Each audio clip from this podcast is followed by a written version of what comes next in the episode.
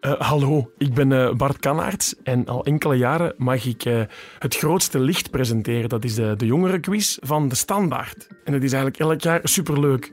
En ik wou even langs deze weg u daarover informeren dat je je kan inschrijven. En je kan dit jaar, houd u vast aan uw takken van uw bomen, een reis winnen naar Rajasthan. Dat is ergens in de wereld dat je dan kunt op reis gaan. Dus als je wilt meedoen, dan moet u inschrijven via standaard.be slash grootste licht of gewoon via de nieuwsapp eh, DS Nieuws. En in die app trouwens krijg je deze week ook al vijf antwoorden cadeau. Dat is toch een uh, zinvolle tip. En voilà, dan hoop ik dat we elkaar binnenkort in levende lijven mogen ontmoeten bij het grootste licht. En dan winnen jullie misschien pjachtige prijzen. Tot dan, hè, baby's.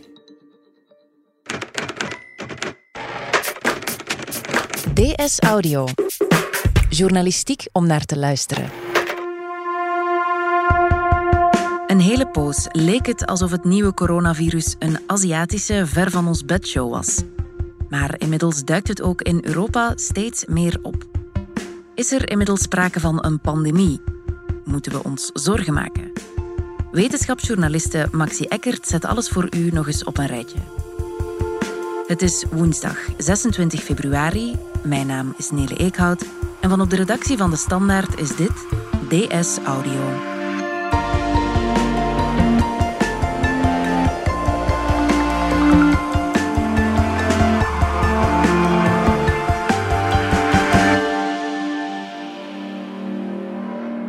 Maxi Eckert, wetenschapsjournaliste voor De Standaard. De cijfers en inzichten omtrent het eh, coronavirus veranderen dagelijks. Hoe is de situatie op dit moment? De hele uitbraak met het nieuwe coronavirus is gestart in Azië, vooral in China, uh, erg getroffen. Nog altijd zijn daar de meeste patiënten, bijna 80.000. En ook de meeste doden, ruim 2000, zijn daar bevestigd. Maar nu is de situatie helemaal aan het veranderen. Het virus heeft nu Europa bereikt. Er zijn nu clusters, ook in Europa, van patiënten waarbij dat het niet meer duidelijk is hoe hebben ze precies het virus opgelopen, in welke volgorde. Dus het lijkt ook hier niet meer onder controle te zijn in Europa. Ja, de situatie is het ernstigst in Italië, begrijp ik dat goed? Ja, in Italië, nu spreken we dus op uh, dinsdagmiddag, zijn er al zeker 283 gevallen bevestigd, mhm. met zeven overlijdens. Dus de aantallen lopen op. Ja, dus op het moment dat we deze podcast opnemen is het nog dinsdagmiddag. Um, hebben we ook net het nieuws vernomen dat in Tenerife een hotel uh, in volledige quarantaine zit met duizend vakantiegangers, waaronder ook 110 Belgen. Uh, weten we wat daar precies aan de hand is? Nu, in dat hotel is er een, uh, een Italiaanse arts op reis geweest met zijn vrouw. Maandag is hij naar de dokter gegaan omdat hij ineens koorts kreeg, een alarmsignaal. En um, het is op dit moment, nu dus dinsdagmiddag, nog niet helemaal duidelijk of dat het op dit moment een vermoeden is dat de man een uh, coronapatiënt is of dat het al officieel bevestigd is. Mhm. Maar de situatie is wel dat nu ruim duizend gasten in quarantaine zitten in dat hotel, het hotel niet uit mogen. Blijkbaar hebben ze een briefje onder de deur gekregen van het management van het hotel dat ze binnen moeten blijven. Binnen, dus ze mogen ook zelfs niet naar buiten in hun hotel. Ze moeten echt op een kamer blijven. Dat is wat we nu hebben gehoord, maar ik denk ook de komende uren zal ook duidelijk worden wat er met die mensen in quarantaine gebeurt. Ja. Nu, ook de gewone, tussen aanhalingstekens, griep zorgt jaarlijks voor doden. Wat maakt het coronavirus nu gevaarlijker of anders dan de gewone griep? Ja, het lijkt heel bizar. Hè? We mhm. hebben elk jaar wereldwijd honderdduizenden mensen die sterven aan de gewone griep. Mhm. En een veelvoud van, van gevallen. Nu zitten wij, als we alles optellen, aan ehm, een paar duizend doden wereldwijd met het nieuwe coronavirus. Dus je zou je kunnen afvragen waarom al dat gedoe voor het nieuwe coronavirus. Nu, misschien nog even terug naar de basics. Mhm. Het uh, nieuwe coronavirus is geen griepvirus. Dat zijn twee verschillende families. De griep dat is een influenzavirus, andere familie dan de coronavirussen.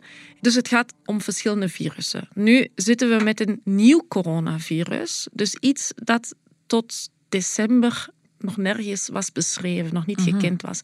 Dat verklaart ook de reactie nu. Wij kennen het virus niet, we hebben er geen vaccin tegen. Bij de griep hebben we dat wel. We kunnen moeilijk inschatten uh, hoe verspreidt het virus zich precies. Dus het enige dat we op dit moment kunnen doen, is indijken. Proberen om het virus in te dijken. Dat is het enige wapen dat we in handen hebben. En uh, we doen dat ook vanuit een voorzorgsprincipe, omdat we anders dan bij de griep de gevolgen niet kunnen inschatten als we het gewoon laten gaan. En nog een belangrijk verschil. De sterfte bij de griep ligt bij ongeveer 0,1% van de patiënten. Zoals het er nu uitziet, bij SARS-CoV-2 is dat 1 à 2%. Dus dit nieuwe coronavirus is dodelijker dan het griepvirus.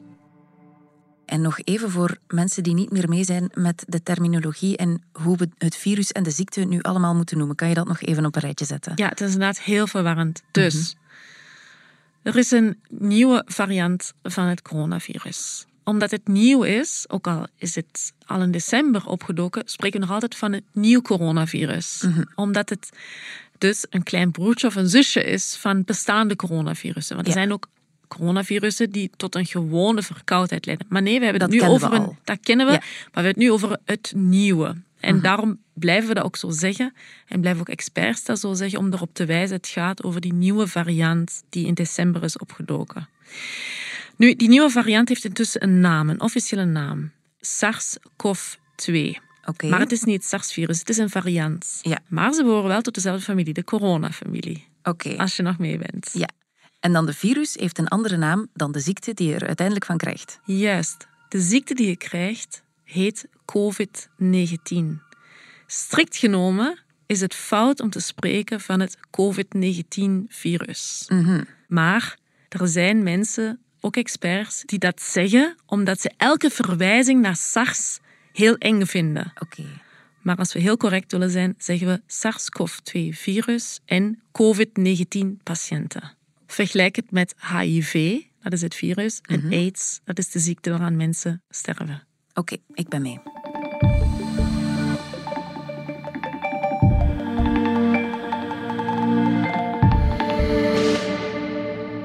Dat indijken, dat lijkt maar niet te lukken. Is er nu al eensgezindheid of dit een pandemie te noemen is of niet? Van een pandemie spreken we bij een infectie die zich werkelijk in alle regio's wereldwijd heeft verspreid. Een mooi voorbeeld is HIV. HIV zit overal. En zijn we al zover? Wel, dat indijken, um, het lijkt er wel op dat het uh, vruchten afwerpt in China zelf. Hè. Ja. Er waren wel draconische maatregelen. Uh, daar lopen nu wel de besmettingen terug. Ja. Nu, wat de pandemie betreft, daar is discussie over onder virologen Professor Mark van der Ranst van de KU Leuven zegt we zitten dan met een pandemie. De Wereldgezondheidsorganisatie WHO is daar veel voorzichtiger over. Microbiologen, eh, zoals eh, Herman Goossens van de Universiteit Antwerpen, die is er ook veel voorzichtiger over. Maar waar we wel zeker van kunnen zijn, is dat we wel met een aantal uitbraken zitten die ongecontroleerd zijn. Er zijn nu tientallen landen waar dat er cases zijn en dan komen er elke dag bij. Ja, nu de stand van zaken zoals je hem nu omschrijft, Klinkt zeer alarmerend, maar hoe groot is nu de kans dat je echt besmet geraakt? Er zijn allerlei voorspellingen, simulaties, modellen. Maar eigenlijk is dat koffiedik kijken. Mhm. Want om een degelijke voorspelling te maken, hoeveel procent van de wereld hiermee besmet zal geraken, heb je een goed model nodig. En dat is gebaseerd op goede statistieken. Hoeveel mensen besmet in patiënt bijvoorbeeld. Maar omdat we daar eigenlijk nog geen goed beeld van hebben, kunnen we zulke modellen op dit moment niet opstellen. Hetzelfde geldt voor de sterfte. We hebben nu het vermoeden dat tussen 1 en 2 procent van de patiënten die besmet is met het virus eraan sterft. Mhm. Maar ook dat is nog onzeker. Dus om nu te zeggen hoeveel mensen er uiteindelijk aan zullen sterven of het virus zullen hebben, dat lijkt mij op dit moment onmogelijk. Ja. Nochtans lezen we berichten in The Atlantic bijvoorbeeld. Uh, koppen zoals 40 tot 70 procent van de wereldbevolking zal besmet geraken. Moeten we die dan met een korreltje zout nemen? Of hoe komen mensen tot die uitspraken? Nu, dat specifieke artikel of het onderzoek uh, dat daarachter zit, heb ik nu niet bekeken. Maar er worden door wetenschappers wel degelijk zulke modellen opgesteld. Um, de bedoeling daarvan is om een beeld te krijgen waaraan kunnen we ons verwachten. Of zouden we ons kunnen verwachten? Welke scenario's zijn mogelijk? En dat is natuurlijk nuttig als je kijkt naar uh, hoe moeten landen zich voorbereiden. Maar wil dat dan zeggen dat dat scenario ook uitkomt? Nee, want er is natuurlijk ook een reactie vanuit de overheden om dat te voorkomen. Dus om te zeggen dat zal uitkomen, dat is dan nog iets anders. Voor we het over die uh, voorzorgsmaatregelen en dergelijke gaan hebben, nog even, hoe weet je dat je besmet bent? Er zijn een aantal alarmsignalen. En als je die hebt, kan je er best mee naar de dokter gaan. Er zijn een aantal voorwaarden waaraan je moet voldoen om eigenlijk een verdacht geval te zijn. Mhm. Het eerste is, um, je moet plotse symptomen hebben van een luchtweginfectie. Het mhm. lijkt wat op griep. Je begint plots te hoesten. Je begint plots koorts te maken boven 38,5 uh, graden. Je hebt plots spierpijn. Maar dat kan natuurlijk ook de gewone griep zijn. Mhm. En dan zegt de overheid, om een verdacht geval te zijn, moet je dat combineren met nog andere voorwaarden. Namelijk, er is een link met een regio waar corona op dit moment ongecontroleerd wordt doorgegeven. Tot dusver is dat alleen China. Nu, het zou heel goed kunnen dat daar dus nu ook nog andere regio's bij komen, zoals Italië. Ja. Of je moet zeker zijn dat je contact hebt gehad met iemand die zeker het nieuwe coronavirus heeft. En die blootstelling moet minder dan 14 dagen geleden zijn. Dus het zijn die drie voorwaarden. Als je daaraan voldoet, dan neem je best contact op met je arts. Niet daar naartoe gaan, want dan dreig je in de wachtzaal andere mensen te besmetten. Neem telefonisch contact op, dan kan je op huisbezoek komen, zijn eigen beschermen en een test afnemen. Mhm. Kan je verder nog persoonlijke voorzorgsmaatregelen nemen? Het allerbelangrijkste, en dat geldt ook voor de griep, is handhygiëne. Mhm. Je handen goed wassen, je handen ontsmetten. Nu, bij het nieuwe coronavirus is het naar alle waarschijnlijkheid zo dat het wordt doorgegeven via druppeltjes, via hoesten. Als je vreest dat iemand besmet is, afstand houden. Het virus kan naar alle waarschijnlijkheid ook op oppervlakken overleven. Dus als je iets aanraakt en je hebt schrik dat daar virus aan zit, zit dan zeker met je handen niet in je gezicht of aan je mond, maar mhm. was je handen. Dat is wel het belangrijkste. Maar wat ook heel belangrijk is, op dit moment zitten wij in België nog niet met het probleem dat besmettingen ongecontroleerd aan elkaar worden doorgegeven. We hebben één geval gehad van iemand die terug was gekeerd uit Wuhan, uit China. Die is geïsoleerd, die is genezen. Dus op dit moment, voor zover we weten, hebben we geen cases. Dus handhygiëne is sowieso belangrijk, al is het maar om de griep te voorkomen. Maar op dit moment is het niet nodig. Om alle deurklinken te vermijden. Voilà. Oké.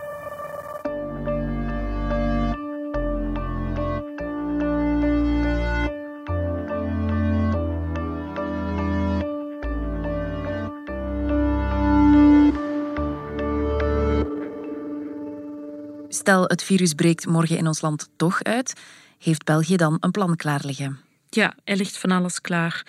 Ehm, dat is ook uh, nu wat Maggie de Blok, minister van Volksgezondheid, duidelijk zegt. Wij zijn er klaar voor, onze ziekenhuizen zijn er klaar voor. Nu, de overheid heeft al wel wat ervaring met uitbraken. Denk bijvoorbeeld aan de Mexicaanse griep, die in 2009 een pandemie heeft veroorzaakt. Daar zijn toen ook allerlei maatregelen voor uitgewerkt. En vandaag heeft de federale overheidsdienst Volksgezondheid daar de lead in.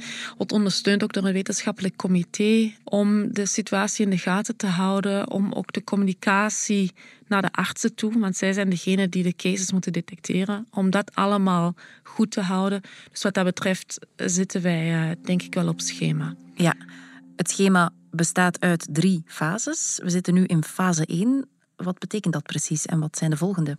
Dus op dit moment zitten we in fase 1. Er is een alertheid.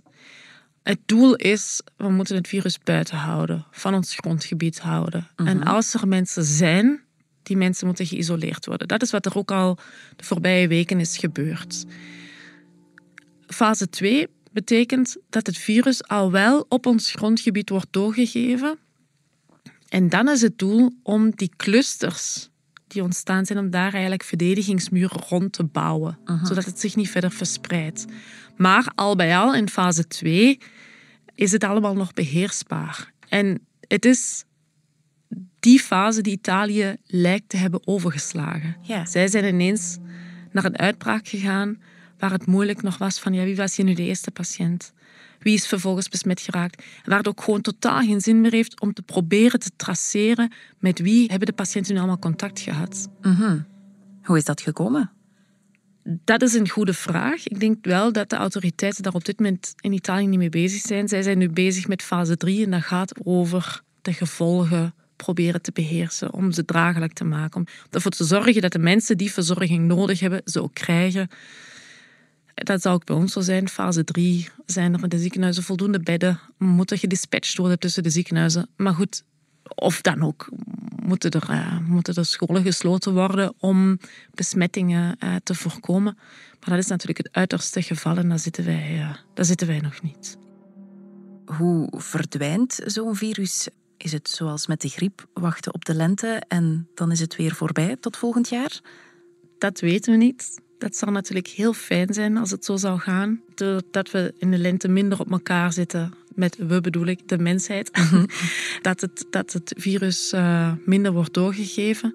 Maar we weten het niet. Want we kennen dit virus nog niet zo goed. Zou het dan kunnen dat we er over een paar maanden voorgoed vanaf zijn?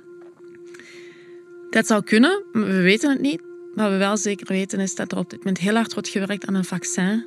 En als het virus opnieuw de kop op zou steken, volgend jaar hebben we hopelijk al iets in handen om ons er tegen te beschermen. Oké, Maxi Eckert, dankjewel.